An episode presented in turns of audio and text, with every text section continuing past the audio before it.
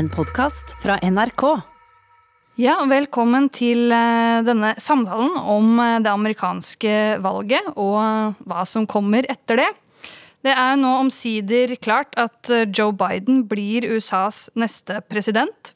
Og dermed så er det vi kan kalle Donald Trump-æraen over. Eller er den det? For hva er det som gjør at nesten halvparten av alle amerikanske velgere fortsatt ville ha Trump som president? Eh, og er det egentlig mulig å gå tilbake til eh, situasjonen sånn som den var før Trump kom til makta? Eh, hvordan skal egentlig Joe Biden klare å løse de mange og dype krisene som USA står midt oppi? Dette er noen av de spørsmålene vi skal snakke om i, i, denne samtalen i dag. Mitt navn er Mari Eifring og skal i dag være ordstyrer for denne samtalen. Eh, og vi har fått med oss eh, tre personer som eh, på hvert sitt vis sitter på ekspertise. Med meg her i, i Oslo er norskamerikaneren Thomas Seltzer. Vi har også Reidar Strisland, som er aktivist. Vi skal komme tilbake til Thomas Seltzer og Reidar Strisland litt senere, men først skal vi snakke med vår tredje gjest, som befinner seg i hjembyen i Los Angeles i California. Hun heter Megan Day og er eh, fast skribent for det amerikanske venstresidemagasinet Jacobin. Hun har også vært aktiv i eh, presidentkampanjen til Bernie Sanders, og har også vært med å skrive boka Bigger Than Bernie How We Go From The Sanders Campaign to Democratic Socialism. Så vi skal snakke med henne først, og det betyr at første del eh, blir på engelsk. Og deretter skal vi gå tilbake til å snakke norsk. Megan Day, good morning. Good morning. Thanks for having me. Thank you for joining us. So, at the time of this recording, it's been one and a half weeks since the election and less than a week since Joe Biden was announced uh, the winner of the election. We're going to talk about what, what happens now and, and what your expectations regarding the Biden presidency are. But uh, before we get to that, I would like to start a bit earlier in the presidential race, uh, namely with the Democratic Party and the nomination process for a presidential candidate. Uh, as I was saying in the in Norwegian introduction, you've been active in the Bernie Sanders campaign and also co-authored a book about how this campaign can proceed to be a movement for democratic socialism. So uh, let me start uh, just by asking you what made you believe that America needed a democratic socialist such as Bernie Sanders as a president? So that's a really good question. I feel that, like many other people, I had long believed that the United States, the beating heart of global capitalism and and of inequality around the world, needed to move ambitiously in a direction toward more democracy, toward more equality, and toward more compassionate policy but I didn't necessarily believe that it was possible. What Bernie Sanders did in 2016 when he challenged Hillary Clinton for the nomination of the Democratic Party for president was he raised people's expectations in the United States about what was possible. So the belief that something needed to change was already there, especially after the Great Recession and the devastation in the American economy starting in 2008 and the very slow and very unequal recovery. Mm. People really wanted change, but people didn't necessarily believe that change was possible. So I'll give you an example of this. Um, belief in that we should move toward a Medicare for all system, which is a single payer healthcare system in the United States. Of course, the United States is dominated by um, private health insurance, mm. and healthcare is not is not free. It's actually very expensive in the United States. Um, belief that we should move toward a Medicare for all system exponentially grew between 2016 and 2018. Hmm. The difference is not that people's healthcare situations got worse between 2016 and 2018. It's that Bernie Sanders burst onto the scene and made it seem possible to actually implement Medicare for all in the United States for the first time. So the frustration had been there for a long time. It had the frustration with wages, with uh, you know climate devastation, uh, with with uh, skyrocketing ho- housing prices had been there for a long time. Mm. And what changed in 2016 was that people felt that there were maybe avenues to build uh, toward a democratic socialist politics through uh, electoral politics. Hmm. And so I was among the millions of people who sort of had a light bulb go off in our minds uh, and decided to get involved in politics, not because we had our minds changed about what was necessary, but because we had our minds changed about what was possible. So that led me into the Bernie Sanders uh, movement in 2016. And between 2016 and 2020, I, I was active with the Democratic Socialists of America. The membership of that group exploded in the wake of the Bernie Sanders campaign, due precisely to the dynamics that I'm describing. Hmm. And uh, for some time, it um, it looked like Sanders did have uh, a winning chance in the nomination process. But as we all know, it it ended with the Biden being the um, the presidential candidate. And at that time, spring 2020, uh, when Joe Biden won the primaries, did you expect him to win the presidential election, or what were your thoughts at that time? To get the chronology down a little bit, Bernie Sanders won the popular vote in the first caucus, which was mm. the Iowa caucus. Mm. Uh, he he he lost the de- state delegate count to Pete Buttigieg by one out of 500 something delegates, so it was very close. Um, and then he won the New Hampshire caucus, which was next, and then he won the Nevada caucus, which was next. And by this point, all of us who had been on the Bernie train were completely elated. I mean, it seemed like he had the momentum to actually win the nomination against all odds, against a hostile party establishment, against a hostile media, mm. and honestly, we were um, whole, we were we were over the moon. Uh, we were also uh, quite uh, cautious and trepidatious because it seemed uh, perhaps impossible that we would really be able to pull it off. Um, it turns out that the Democratic Party, when it wants to fight, when it really wants to fight, it manages to get to get its act together and it can actually fight. And it really wanted to fight Bernie Sanders and fight the left. It really wanted to squash this threat from the left. Mm-hmm. And so something very unprecedented happened, which is that Pete Buttigieg and Amy Klobuchar, both of whom had performed very well in the first few primaries, um, were convinced via phone calls with you know very important people in the Democratic Party, including former President Barack Obama. They were convinced to actually drop out and endorse Joe Biden, which has never happened in the history of a Democratic Party nomination. And this is essentially the Democratic Party establishment throwing its weight around to get what it wanted. Now, Joe Biden had performed very poorly in those early primaries. He performed mm. better in South Carolina, but there was no sense among any of us that Joe Biden was going to be the nominee. If anything, we thought if a centrist is going to win, it might be Pete Buttigieg, it might be mm. Amy Klobuchar. I mean, they were performing better than Biden, right? Mm. So um, the Democratic Party essentially arranged this. They convinced um, well-performing candidates to drop out and and back Joe Biden, and then it, then it was Biden versus Bernie with all of the weight of the Democratic Party establishment behind Biden all of a sudden, mm. and then Biden won. So so that's that's that's the timeline of events. And that's essentially how how we lost the primary race. Yeah. i heard um, some some people that, said that it's more important for the establishment in the democratic party to fight off bernie sanders than to fight off donald trump. Do you think there's some truth in that? I mean, let's put it this way. For many, many years, for decades, in fact, people have been frustrated when they look at the Democratic Party and they see the way that it engages with the right wing of American politics, and it's constant genuflection, constant talk of bipartisanship and civility and compromise. And when it comes to an insurgent left-wing candidate in the in the party itself, with the enthusiasm of millions and millions of members of the party's base, suddenly all of that I, those ideas about compromise and um, and you know civility go out the window, and it's just you know claws out. So certainly there is a major frustration on the left wing of American politics, and there's a sense that the Democratic Party um, seems incapable of putting up a good fight against Republicans, but certainly capable of putting up a good fight against the left wing. Mm. So yes. But uh, were you surprised that Biden actually pulled it off in the, right. in the election? So, I, if you had asked me, and in fact, Jacobin did run a story in, uh, I think, January of 2020 the headline was something like Joe Biden can't win a, general election against Donald Trump.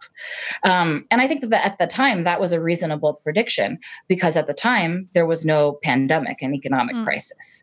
So um, if if this was a non if this was a normal year, if this was a non-pandemic, non-crisis year, I have no doubt that Trump would have won a second term. Uh, however, I was ultimately not surprised that Joe Biden ended up defeating Donald Trump because things have been going so poorly for Trump. Trump. And he's been unable to control the narrative. He's been seeking to deflect from the coronavirus crisis and the attendant economic crisis because he's unable to find a way to spin those that looks good for him. Mm. Um, it just looks bad through and through. So instead, he started focusing on, oh, Black Lives Matter is full of these anarchists and looters, and they're setting cities on fire, and there's cultural Marxists running around. And then he transitioned to talking about mail in ballot fraud and, and so on and so forth. Kind of this conspiracy thinking, this culture war thinking, in order to distract from talking about the pandemic and the economic crisis. Those essentially became Joe Biden's issues because mm. Donald Trump ceded them. Mm. Now, Joe Biden didn't do an awful lot with them. You could imagine a candidate like Bernie Sanders um, really taking advantage of this of this opportunity to actually insist on something like Medicare for all. You know, public universal public health coverage in the middle of a public health crisis mm. when we have 70 70 something percent of Americans actually want Medicare for all. Joe Biden won't touch it right? So he's not taking advantage of the opportunity. But Trump's he was the beneficiary of Trump's misfortune. He was the passive beneficiary of Trump's misfortune. Let's put it that way. He is simply he simply absorbed the support that drained from Donald Trump during this time of crisis, in my view. So mm. I wasn't surprised that he pulled it off, but he definitely did the bare minimum to make it work. Mm. But uh, now it's clear that he uh, he will become the next president of the United States. And what are your expectations uh, from this administration? Do you have uh, are you an optimist, or or do you fear that he will uh, actually deliver on his promise to go back to to status quo before before Trump?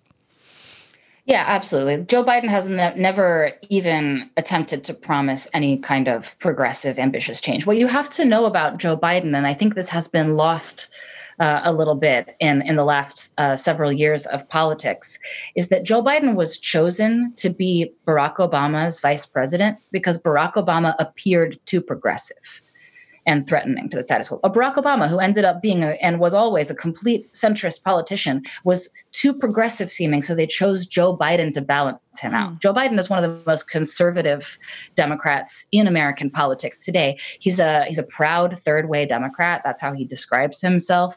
Uh, he has expressed a distaste for what he calls class warfare. I would challenge that that's not true. Joe Biden is perfectly fine with class warfare if it's being perpetrated by the um, corporations that are located in his state of Delaware, and he's sim- perfectly happy to carry water for them. Um, you know, Joe Biden pushed for the the um, welfare reform bill that you know eviscerated the American working class in the 1990s. Um, he was the co-author of the 1994 crime bill, which you know just locked people up for the crime of poverty en masse, leading to mass incarceration in the United States.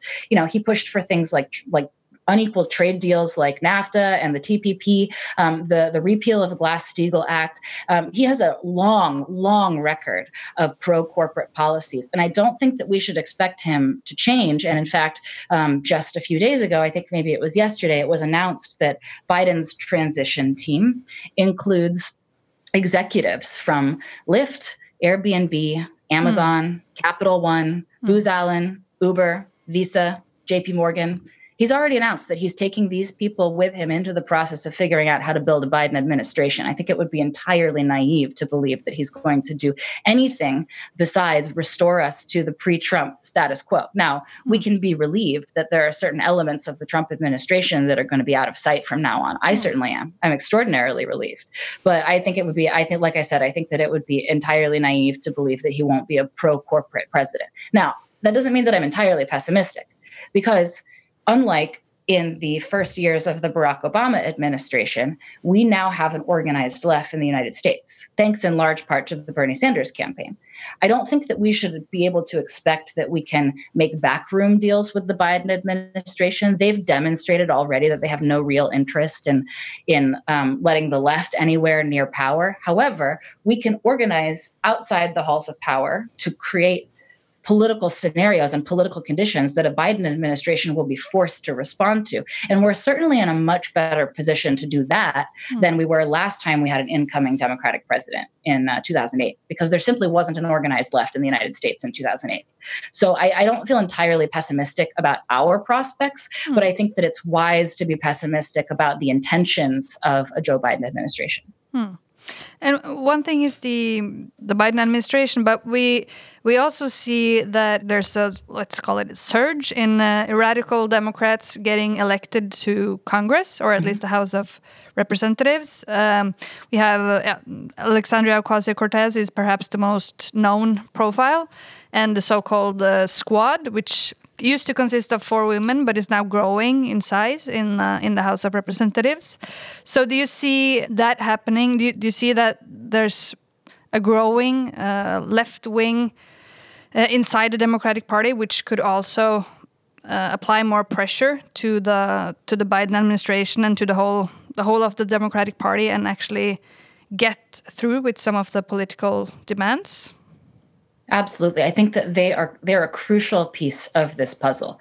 Um, you know, the new new the new elected officials, including Jamal Bowman and Cori Bush, and the people who've been there all along, Rashida Tlaib, Ilhan Omar, Alexandria Ocasio Cortez, are really critical to translating the popular pressure that the left is going to be trying to build outside of the halls of power into leverage inside of the halls of power. So it needs hmm. to be a dual strategy of building movements outside and then having that movement pressure applied via our elected officials. And I do actually, you know, we've we've watched the um, members of the squad over the last few years um, develop in Congress. There's been a lot of fear of co-optation because we understand what the pressures inside of the halls of Congress are. And I think a lot of us on the left have been very impressed with um, the um, steadfastness of the commitment to the American working class demonstrated by people like Alexandria Ocasio-Cortez and Rashida Tlaib and Ilhan Omar. And I have I have absolute faith that Jamal Bowman and Cori Bush will will join them in that endeavor. And I will also add that it's not just on the level of Congress. I think we are also seeing some gains um, on in state legislatures and on city councils. So, to give you an hmm. example, there are five Democratic socialists now who are all members proud open members of the Democratic Socialists of America who have now been elected to the New York state legislature, which is incredible. I mean, the New York state legislature is a very powerful body in, in America. And you can imagine this, right? So we have five Democratic Socialists uh, who are going to be in Albany, and they'll be caucusing together, they'll be introducing legislation together. And similarly, on, this, on the city level, we have six Democratic Socialists on the city council in Chicago. So this is a once in a this is a once in a lifetime event. I mean, this hasn't happened, you know, for uh, maybe f- between 50 and 100 years that you have this concentration of open socialists on bodies on governing bodies together caucusing together introducing legislation together um, attending protests together, writing editorials for the local paper together, and really sort of advancing working class politics. So, um, as for whether or not they're going to be able to pressure a Biden administration, um, I think time will tell. Hmm. But I do think that if it's possible, then if it's possible to um, to advance our politics at all under a Biden administration, these elected officials are going to be a major, crucial piece of the puzzle. Hmm. Okay, so it looks like we will have um, crucial times ahead of us and it will be that's exciting right. to see what what comes out of this. I'm sorry, but that's all we had uh, time for. No, that's great. Thank you so that's much. Great. That was uh, great. thank you so much, Megan, and uh, good luck. thank you. Um, yeah, I think we're going to need it. so I appreciate it, and thank you so much for inviting me. And and anytime you guys, you have my email, you have my number. So anytime you want to talk to me about American politics, it would be my pleasure. Great. Thank you so much. Det var altså skribenten og forfatteren og aktivisten eh, Megan Day som var med oss fra Los Angeles i California. Eh, hun har altså vært aktiv i Bernie Sanders-kampanjen og skrevet en, bok om hva som kommer etter Sanders. Eh, og hadde vel ikke de høyeste forventningene til eh, hva som kan komme. I hvert fall ikke av en, eh, en radikal omfordelingspolitikk fra, fra Biden-administrasjonen. Men hadde derimot mer håp om hva de andre eh, elementer av partiet, både i Kongressen, der en rekke ja, mer venstre venstresidekandidater har blitt valgt inn, og ikke minst eh, fra bevegelsen, eh, særlig fra Bernie Sanders-kampanjen, men også eh, andre grasrotbevegelser utafor partiets organer, hva man sammen kan få til ved å løfte fram krav og legge press på en, en kommende Biden-administrasjon. Eh, og dette skal vi fortsette å, snakke om nå. Det store spørsmålet som vi diskuterer i dag, er altså hva nå, USA? Eh, Joe Biden har vunnet presidentvalget, og Donald Trump fikk altså bare én eh, periode i Det hvite hus. Eh, hva skjer nå? Kommer USA til å gå tilbake til sånn det var før Trump, eller er det ikke lenger mulig? Nå skal vi snakke med to norske USA-eksperter, hvis de takler å ha den tittelen der. Eh, det er altså Thomas eh, Seltzer som da har laget eh, dokumentarserien UXA, som har gått på NRK i høst, og som har hatt hele en million seere, så det er mange som har fått med seg den serien. Og Reidar Strisland, som har skrevet boka 'Bernie Sanders og det nye USA'. Jeg er litt usikker om det er en million uh, som har kjøpt boka, men uh, ja, Nesten. nesten. Ja, ja. Mm. eh, og Reidar har også vært i USA og deltatt i Bernie Sanders presidentkampanje tidligere. Både i 2016 og i 2020. Ja. la meg bare begynne med å spørre. Nå, nå blir jo, som, som, sagt flere ganger, Joe Biden altså USAs neste president. Men dette valget ble jo en skikkelig eh, rysere, som de sier i Sverige. Og mye mer spennende, kanskje, enn mange hadde trodd. Eller i hvert fall mange av eh, meningsmålingsinstituttene hadde, hadde spådd. Eh, så eh, hva skjedde egentlig? Hvorfor, eh, hvorfor ble det så, så, spennende? Hvorfor klarte man ikke å fange opp dette i forkant? Vi kan jo begynne der. Reidar, har du noen tanker om det? Ja, det burde ikke være så jevnt. For uh, Donald Trump er ikke spesielt populær hvis du spør befolkninga som sådan. Du, du, vet at han har store fanskarer og han har store grupper som, som, uh, som støtter han. Men uh, hvis du ser på befolkninga som helhet, så har han ikke mye støtte. så det burde vært en kandidat man virkelig burde slå. Så er det et par ulike grunner til hvorfor, hvorfor, ikke, hvorfor Biden ikke har lyktes. Det ene er rett og slett at han er en svak kandidat. Eh, han, eh, han, var faktisk så svak at eh, de gjemte ham bort. Han, han, han deltok ikke på arrangementer sånn som en vanlig presidentkandidat ville gjort var lite på TV fordi de var redde for at han skulle si noe dumt. Så det er ikke en velgermagnet når du må gjemme han bort. Så det er det ene. Det andre er politikken. At, at du er midt i en økonomisk krise, du er midt i en pandemi. og Eh, Joe Biden hadde ikke noen solide løsninger på denne pandemien. Eh, beskjeden han hadde, det var at nå skal vi tilbake eh, til, til sånn det var før Trump. Nå må landet samle seg igjen. og Prøvde å på en måte minne tilbake til tida under Obama, og ting var så mye mer stabilt da. Uh, og det var det som skulle være vinnerbeskjeden hans. Uh, så så det jo lovende ut da, uh, på målingene, men, men det, man ikke, ikke to, det man tok for gitt, det var at folk skulle møte opp. og, og samtidig hadde Trump en operasjon som, som klarte å få ut stemmene på en helt annen måte. da. Men når jeg hører på deg nå, så høres det nesten ut som Biden tapte. Men uh, han vant jo faktisk, og ikke bare det. Det, jo, det, det, er ingen president som har fått så mange stemmer i et valg noensinne. Så han har jo faktisk lykkes med det. da. Så mm. noe må det jo ha vært som har uh, mobilisert folk til å, å stemme på han uh, likevel. Ja, og den kanskje viktigste grunnen det er igjen Donald Trump. For det var engasjementet for å bli kvitt Donald Trump det var også enormt. Eh, og det gjorde at du hadde grasrotorganisasjoner i, i eh, de ulike byene, f.eks. Eh, f.eks. i Atlanta i Georgia, da, som, som organiserte enorm velgermobilisering. Som ikke var en del av Det demokratiske partiet, som ikke er organisert på vegne av partiet, men som, som drev sin egen organisasjonsvirksomhet for å få velgere til å stemme. Da. Og så hadde du et litt annet valgsystem enn det du har til vanlig, for det er ganske vanskelig å stemme i USA. Og eh, du må gjerne eh, ha tid til å stemme, i tillegg til et travelt liv hvor du har kanskje to eller tre jobber og, og familie. Så må du rekke å stemme. Men i år så åpna man i større grad opp for at man kunne stemme via post, som gjorde at veldig mange flere fikk muligheten til å stemme. Så det var jo på en måte et demokratitiltak som man kan takke korona for, men som bidro til at eh, flere stemte enn vanlig. Mm. Men eh, Thomas, det, selv om eh, Trump da har tapt, eh, selv om han ikke har anerkjent det foreløpig eh, selv, eh, så fikk han jo likevel flere stemmer i år enn i 2016. Mm. Eh, For det er vel heller ingen motkandidat som har fått så mange stemmer? Nei, ikke sant? og det var vel mer enn 70 millioner amerikanere som stemte på han nå i, i 2020.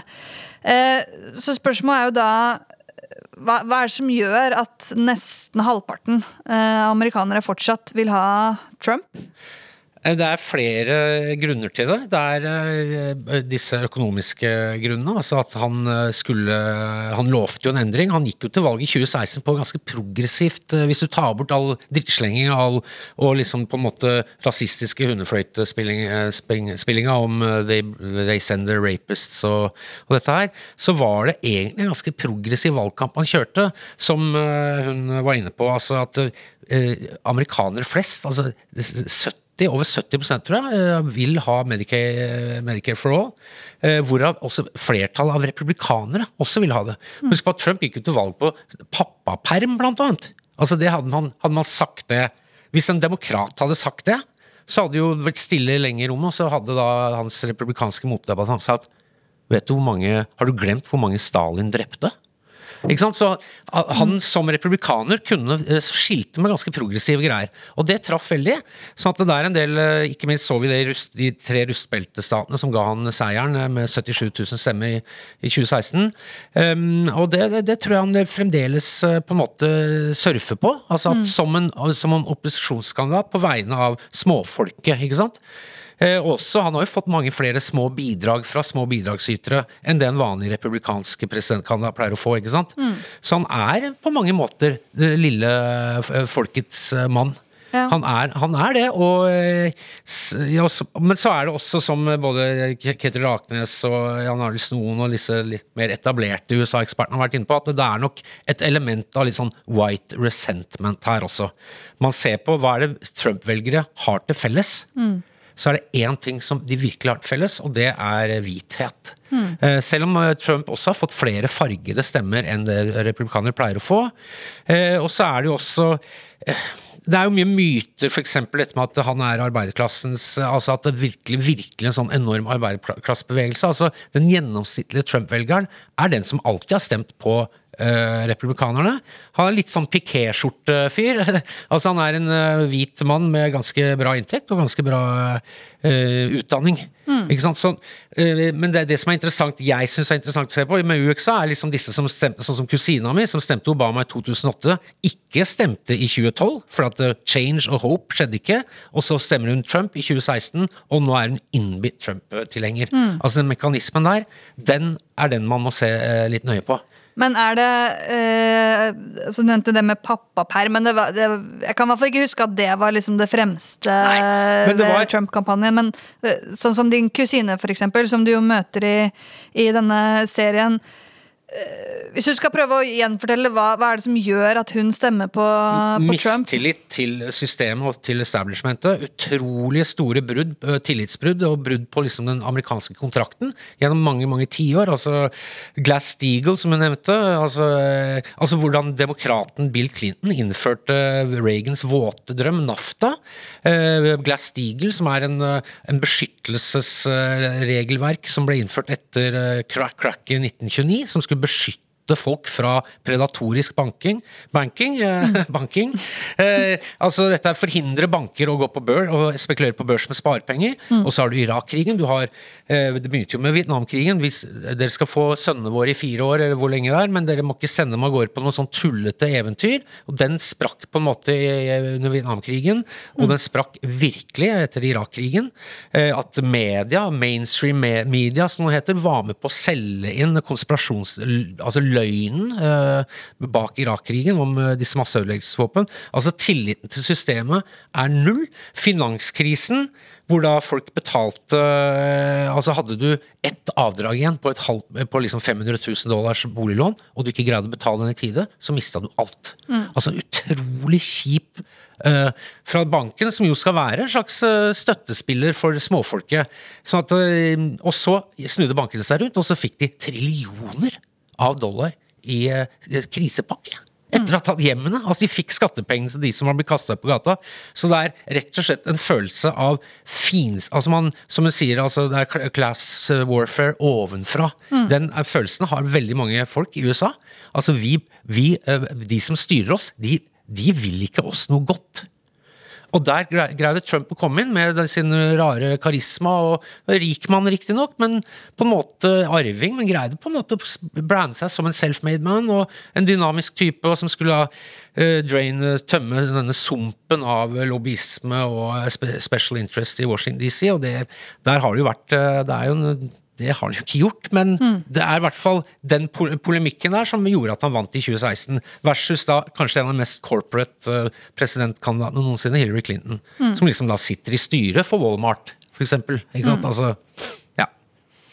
Men hva tror dere skjer nå? Altså, Trump er på vei ut, eh, riktignok eh, mens han prøver å klamre seg fast. Men er trumpismen over, selv om Trumps presidentperiode nå er slutt? Reidar, hva tenker du? Det er et godt spørsmål, det. Eh, Men, men det som ligger bak trumpismen, som, eh, som eh, Seltzer snakka om her, det er jo ting som ikke er løst, og som ikke kommer til å bli løst under Biden. Det er en økonomisk krise i USA. Det er forferdelig mange folk som sliter. Og En ting er de som har slitt i mange tiår, men som, som det også ble nevnt i, i siste episoden av UXA, så er, så er det ganske farlig, den opplevelsen av, av å gå fra å ha noe og ha det ganske bra, til å, til å miste det. Og det er det veldig mange som har gjort i USA. og Det, det fører til et sinne som, eh, som jeg ikke tror mange i Norge kan forstå. Altså. Eh, Så, så det kommer ikke til å forsvinne. Eh, Og og på et eller annet vis så kommer det til å leve videre, men du har jo på en måte mista den store figuren. da. Samtidig så har du jo mange andre eh, som er i dette omlandet, sånn Alex Jones og andre sånn ekstreme eh, på høyresida i USA som, som eh, mange følger med på da, og følger etter. Donald Trump jr. Eh, også? Får håper han ikke stiller. Nei, men, eh, men eh, du har det. Eh, Så er spørsmålet hva som er motsvaret. da. For det er, det er det som kan stoppe det. Og akkurat nå så, så har demokratene en kandidat som har lyst til å fortsette som før. Eh, Og med et eh, senat nå hvor det ikke ser ut til at demokratene har noe flertall heller, så, så kommer ikke venstrefløyen til å kunne presse gjennom. Eh, For de har en del sånn leverage, de har en del, en del tyngde inn i, inn i forhandlinger. Men, men når ikke de har et flertall i Senatet og i, i Kongressen, så, så blir det vanskelig å få noe gjennomslag. Og da Da må vi bare liksom drømme om, eller venstresida i USA må drømme om fire år eller åtte år, så kan kanskje AOC eller noen av de andre i dette The Squad eh, vinne et valg igjen. Ja. AOC er altså Alexandra Ocasio-Cortez. Yes. Eh, som er, ja, som jeg nevnte, en av de eh, mest kjente venstresideprofilene da, i, eh, i Demokratene. Men eh, det som du er inne på her, eh, det ser jo ut som Det er jo fortsatt ikke avgjort ennå, men eh, det ser jo ut som republikanerne beholder flertallet i Senatet, eh, som betyr at det blir vanskelig for demokratene å få eh, få gjennom lovforslag, fordi det må, det må gjennom også Senatet da, i, i Kongressen. Ehm, det vil jo kanskje da bety at eh, de må inngå mye kompromisser med, med republikanerne. Tenker du, Thomas, litt som også Megan Day var inne på, at det blir ikke mye radikal venstresidepolitikk som kommer fra den Biden-administrasjonen, eller tror du vi kan få noen overraskelser? Nei, jeg tror ikke det. Jeg tror jeg, altså Nå har jo den såkalt eksekutive makten til presidenter har jo økt veldig de siste åra, eh, eller siste periodene. Dick Cheney, eh, Cheney og Bush, eh, Obama også, var flink til å utvide den. sånn Trump var jo heller ikke noen motstander av, av mest mulig makt samla i Det hvite hus. så dette er jo, det, det, ligger jo vel noen muligheter der.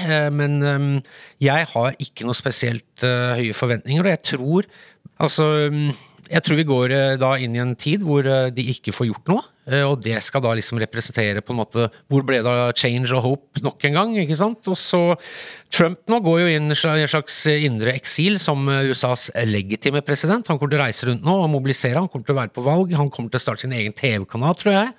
Eh, og det kommer til å være eh, Altså, eh, Biden kommer ikke til å levere. Samtidig så blir republikanerne blir nå Det at de skal gå tilbake til en litt sånn lenestol-konservativisme med pipe, eller Reagan som er litt sånn sjarmerende mann som sier ikke inkluderende ting Altså, det er over.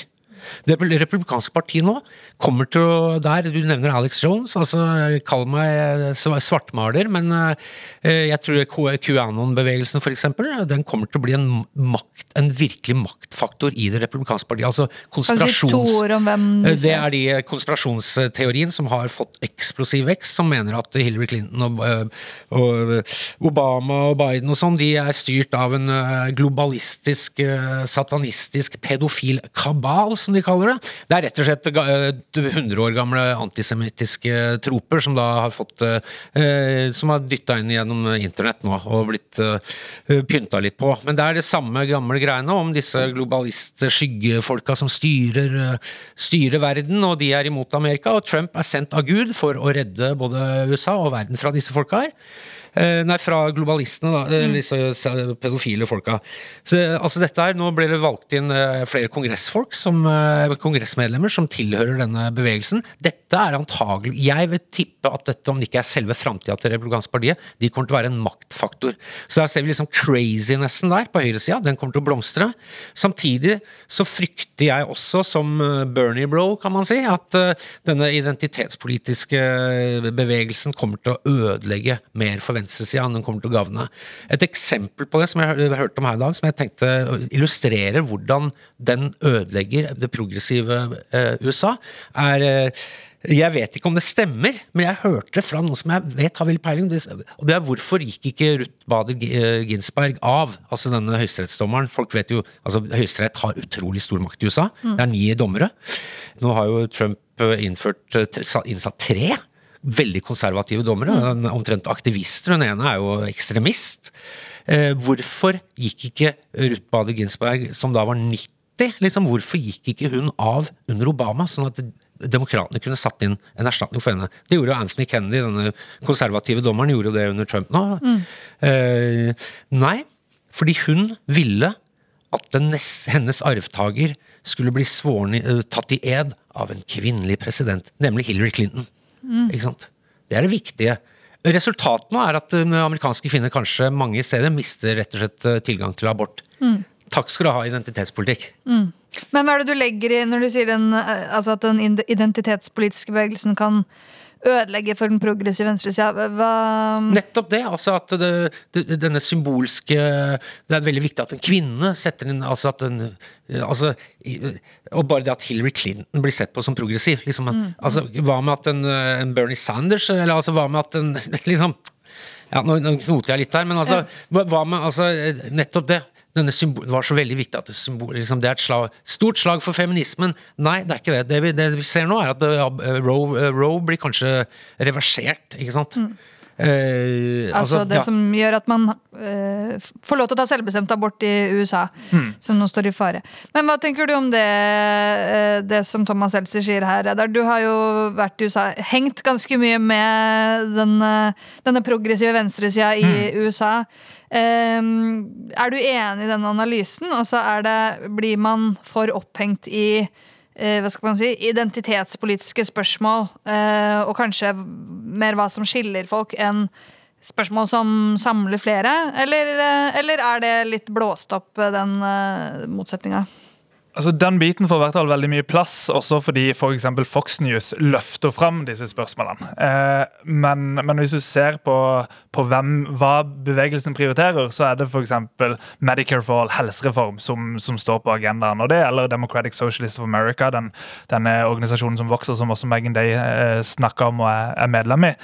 Eh, men også Bernie Sanders sin presidentkampanje og det hun Alexandria Ocasio-Cortez snakker om, så, så, løfter man først og fremst fram sånne klassespørsmål som handler om å løfte, løfte fram alle, uansett, uh, uansett, hvem du er.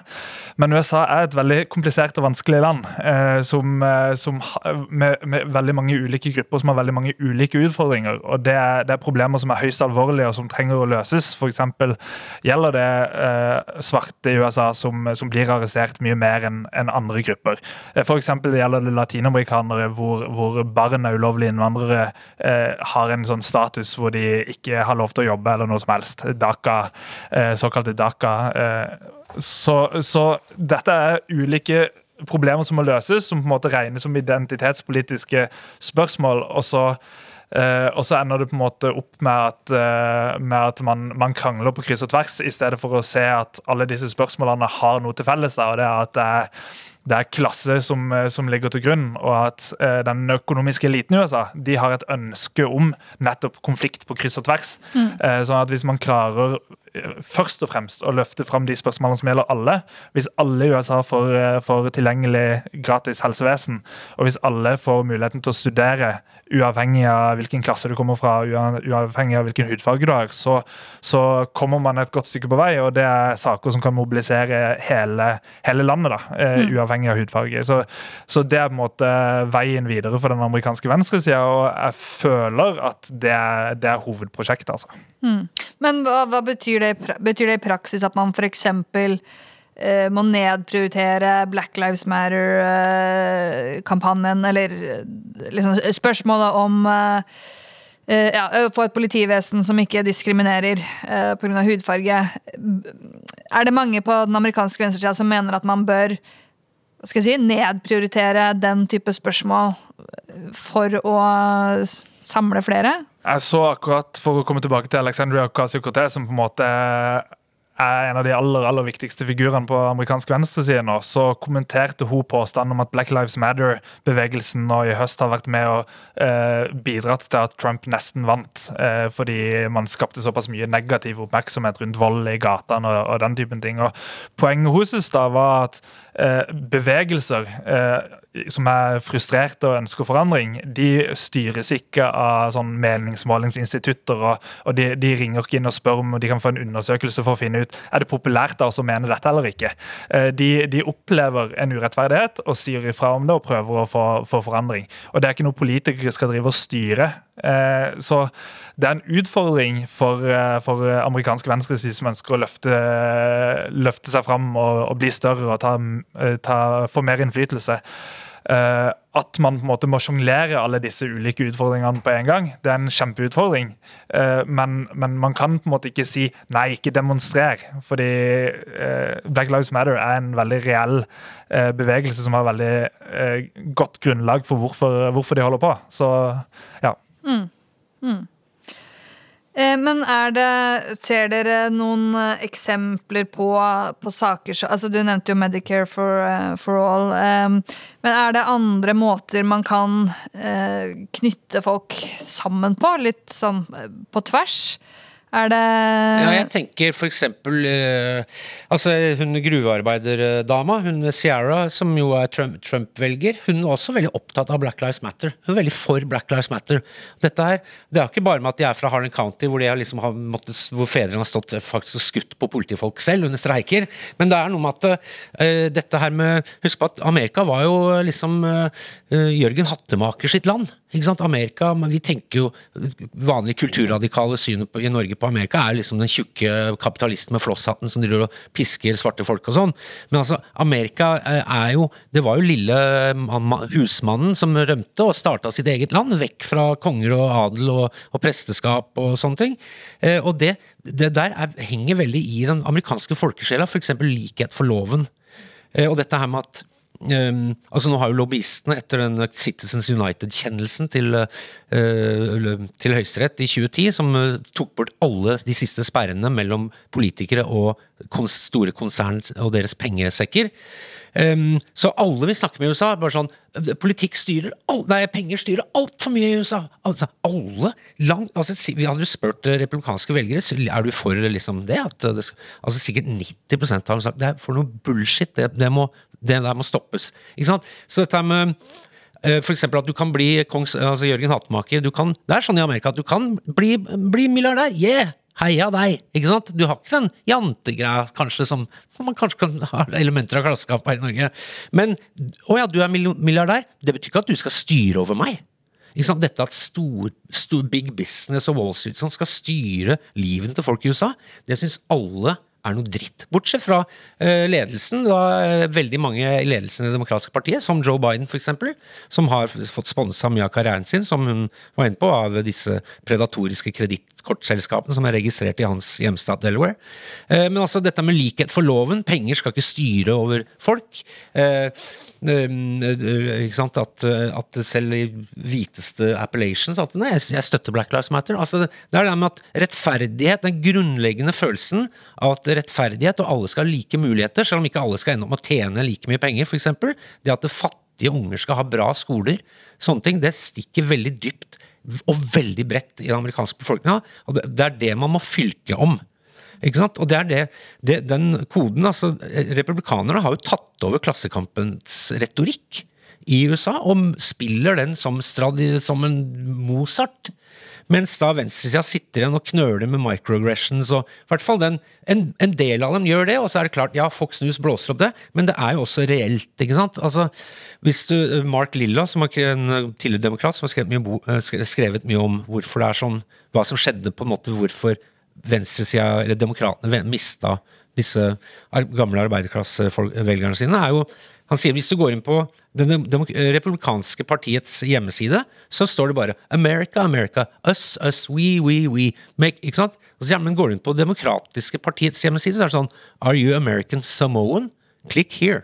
Are you American Ikke sant? Er du Amish? Click here. Altså, det er, det er en fullstendig atomisert et, et, atomisert Amerika de presenterer. Og det, skal, det, er jo motsatt. Altså, det er jo feil. Mm, mm. Men hva tror dere om Altså, i, uh, i, Norge så er jo en ganske sentral del av uh, venstresida er jo fagbevegelsen. og den har spilt en utrolig viktig rolle i at vi har, har de velferdsordningene som vi har, og har egentlig ja, det samfunnet vi har i dag. Eh, sånn er det jo ikke i USA, men eh, tror dere det er mulighet for at det kan skje noe bevegelse der? Altså nå har jo De siste årene eh, så har jo virkelig det vokst fram en sånn radikal venstreside som jeg ikke kan huske å, å ha sett før. Men eh, kan det også eh, smitte over i eh, fagorganisering, og at man får en oppblomstring av ja, organisering på arbeidsplassene, eh, og at det også kan springe ut politisk eh, bevegelse derfra? Absolutt. Og amerikansk fagbevegelse er, ligger, på, de ligger helt nede. Eh, den er mer eller mindre død. Altså Det er vel 10% som er fagorganisert i USA nå. Tror jeg. Ja, i privat sektor. Ja, ja, ja. Så, så han, er, han, er, nesten ikke-eksisterende. Og det er jo mye republikanernes strategi gjennom mange år. F.eks. i Wisconsin, som var, som var høyborga til demokratene og til, til fagbevegelsen. Så pusha disse Koch-brødrene, disse milliardærene fra, fra Kansas, de, de pusha inn millioner av dollar for å, for å, sikre at eh, det ble en republikansk guvernør der som kunne rive fra hverandre alt av regler for å organisere seg. Eh, så, så de har virkelig gått grundig til verks i å bare knuse fagbevegelsen i USA, som, som er en av grunnene til at det er så få som er organiserte, og som er en av grunnene til at disse, disse delstatene, rustbeltestatene, har, har mista denne organiseringa også rundt Det demokratiske partiet. Uh, og det er akkurat noe demokratisk parti som har slått tilbake og prøvd å, prøvd å hjelpe de organiserte. Så når demokratene har vunnet tilbake igjen, så har de ikke, har, har de ikke uh, hatt noen allierte i partiet eh, likevel. Uh, det som har skjedd de siste årene, det er, at, uh, det at du har hatt en fagbevegelse, i hvert fall i noen sektorer, som har kommet litt på offensiven. Spesielt lærerne, uh, som har hatt vellykka streiker i opptil flere delstater. Og en av de allierte av lærerne var jo faktisk med i en av episodene til, til UXA. Uh, Richard Ojeda, som satt i delstatssenatet i, i, West Virginia og hjalp de streikende og var en støttende person til de, idet de vant en viktig streik eh, hvor, hvor, de klarte å overvinne republikanerne, som hadde, hadde flertall, og, og, klarte å stå på kravene til de vant.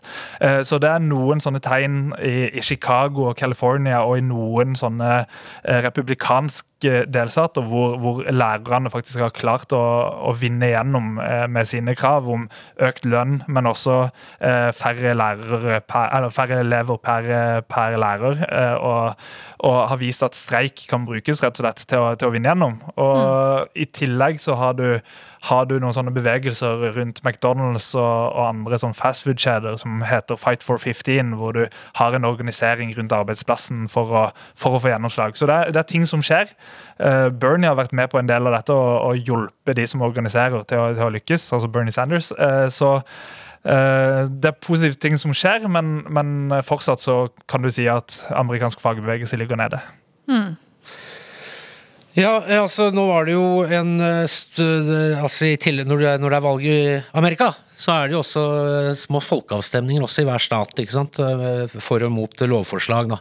Og nå var det jo dette, du nevnte jo dette med Uber og Airbnb og Lyft og sånn, at de mm. nå er inne i Biden, tungt inne i Biden-administrasjonen allerede. Eh, og Der var det en, av de, en folkeavstemning om eh, lovforslag 22, om hvorvidt folk som jobber i den såkalte gig-økonomien, altså folk som da kjører Uber eller eh, ikke sant, i den der digitale, rare delingsøkonomien, hva man skal kalle det, mm. arbeidsmarkedet, hvor du er din egen herre, hvorvidt de skulle kunne få status som ansatte. For da ville det åpne opp for masse muligheter i forhold til forsikring gjennom jobben, masse forpliktelser fra, fra Uber og Lift. Mm. Og Uber og Lift og disse her pumpa enorme penger inn i sånn det er veldig flinke til å lage sånn feel good-kampanjer. Right to work, det er antifagforeningskrav. Citizens United. altså Det høres ut som 1. mai-paroler, mm. men det er det motsatte. Eh, og da, da, nå så jeg at den siden hadde altså den gode sida hadde tapt da, mot mm. uh, altså De hadde tapt den folkeavstemninga. Det er enorme ressurser som går inn for å, og, for å portrettere da livet som Uber-sjåfør. som Da er du fri, da er din egen herre, du er entreprenør, ikke mm, sant? Mm, mm. Uh, men så du, du, er bare din egen slavedriver. sånn at det er jo sånne ting. Men eh, noen av disse stedene, noen steder har det også blitt eh, innført eh, denne, du sa Fight for 15, minstelønna, at det skal settes en minstelønn på 15 dollar i timen. Og den så jeg nå hadde vunnet flere, i flere stater. Florida, blant annet. Mm. Ja, ikke sant? Mm. Som, som, også er veldig interessant, fordi, og det, det, er det boka mi handler om. da, Bernie Sanders og den New USA handler også om, om den forandringa du ser, at, at, folk i USA er, er interessert i nye ideer og, og, gjerne ser litt til Norge og, og til, til, til vestlige land i, eh, til andre vestlige land i en del sånn, eh, sånn politikk. Eh, så for eksempel så eh, tapte jo Biden eh, ganske klart i, i Florida. Eh, men forslaget om å øke minstelønna til 15 dollar, som er et Bernie Sanders-forslag, fikk over 60% Så du ser det i delstat etter delstat, så får den typen forslag som blir løfta fram, de får flertall hvis de kommer gjennom sånne borgerforslag da, når det når det er valg. Men eh, demokratene påstår, eh, og sier det igjen og igjen, og gjentar det igjen og igjen i den idékampen som foregår også nå etter valget, at, at, eh, vi, at vi, har gått til valg, på, til valg, på, en for radikal politikk, egentlig. Og det at Bernie Sanders har vært en såpass viktig figur, og AOC har vært en såpass viktig figur, har vært med å ødelegge for valgkampen vår. Men tallene viser det motsatte. Tallene viser at hadde de gått til valg på en tydelig politikk for forandring, så hadde de hatt eh, sannsynlighet for å, for å vinne i større grad enn det de gjorde. Uh, og jeg tror at de hadde klart å mobilisere uh, til og med noen av de som nå endte opp med å stemme på Trump, hvis de hadde hatt et tydeligere budskap for forandring. Mm. Men hva, hva, tror dere Nå er vi i ferd med å, å runde her, men uh, er dere, hvis dere skal kort oppsummere, er dere håpefulle eller pessimistiske på USAs vegne nå i, for den kommende presidentperioden? Altså, tror dere Kan vi ende opp i 2024 med en kanskje enda verre versjon av Trump? Eh, eller noe, noe, som ligner på det? Eller tror dere at, vi, at det er mulig ja, for kanskje for venstresida å slå mer igjennom og um, vri det, de tendensene vi ser.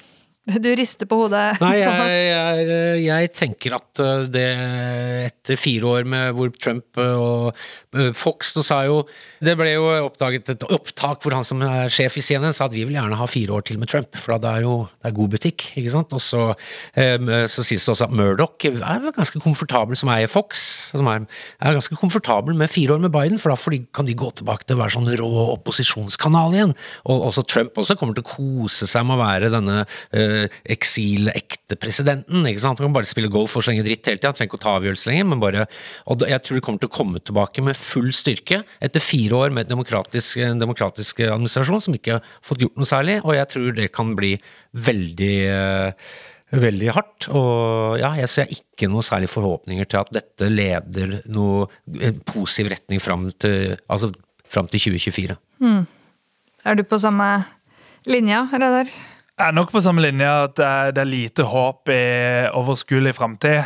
Samtidig så liker jeg å, å peke på de, de positive tingene også, og det er at Eh, flertallet av den amerikanske befolkninga ønsker eh, forandring. Eh, ønsker store reformer for å få offentlig finansiert helsevesen og på mange måter bygge opp en velferdsstat. og De ønsker å ta klimaansvar både i USA og, og på, vei, på, vegne av resten av verden. Så det er, det er mye de, de, ønsker å gjøre hvis den amerikanske befolkninga får lov. Og så er det to partier som står i, verden, som står i veien. Det er det jeg kaller for et oligarki som står i veien. Det er økonomisk elite som, som styrer hvem det er som vinner i, i, begge partiene. Og det har vært det i veldig mange år. Da tror jeg vi skal runde av der. Eh, tusen takk til eh, Reidar Strisland. Tusen takk til Thomas Seltzer. Og eh, takk også til skribenten og forfatteren Megan Day fra USA, som har vært med oss fra Los Angeles i California.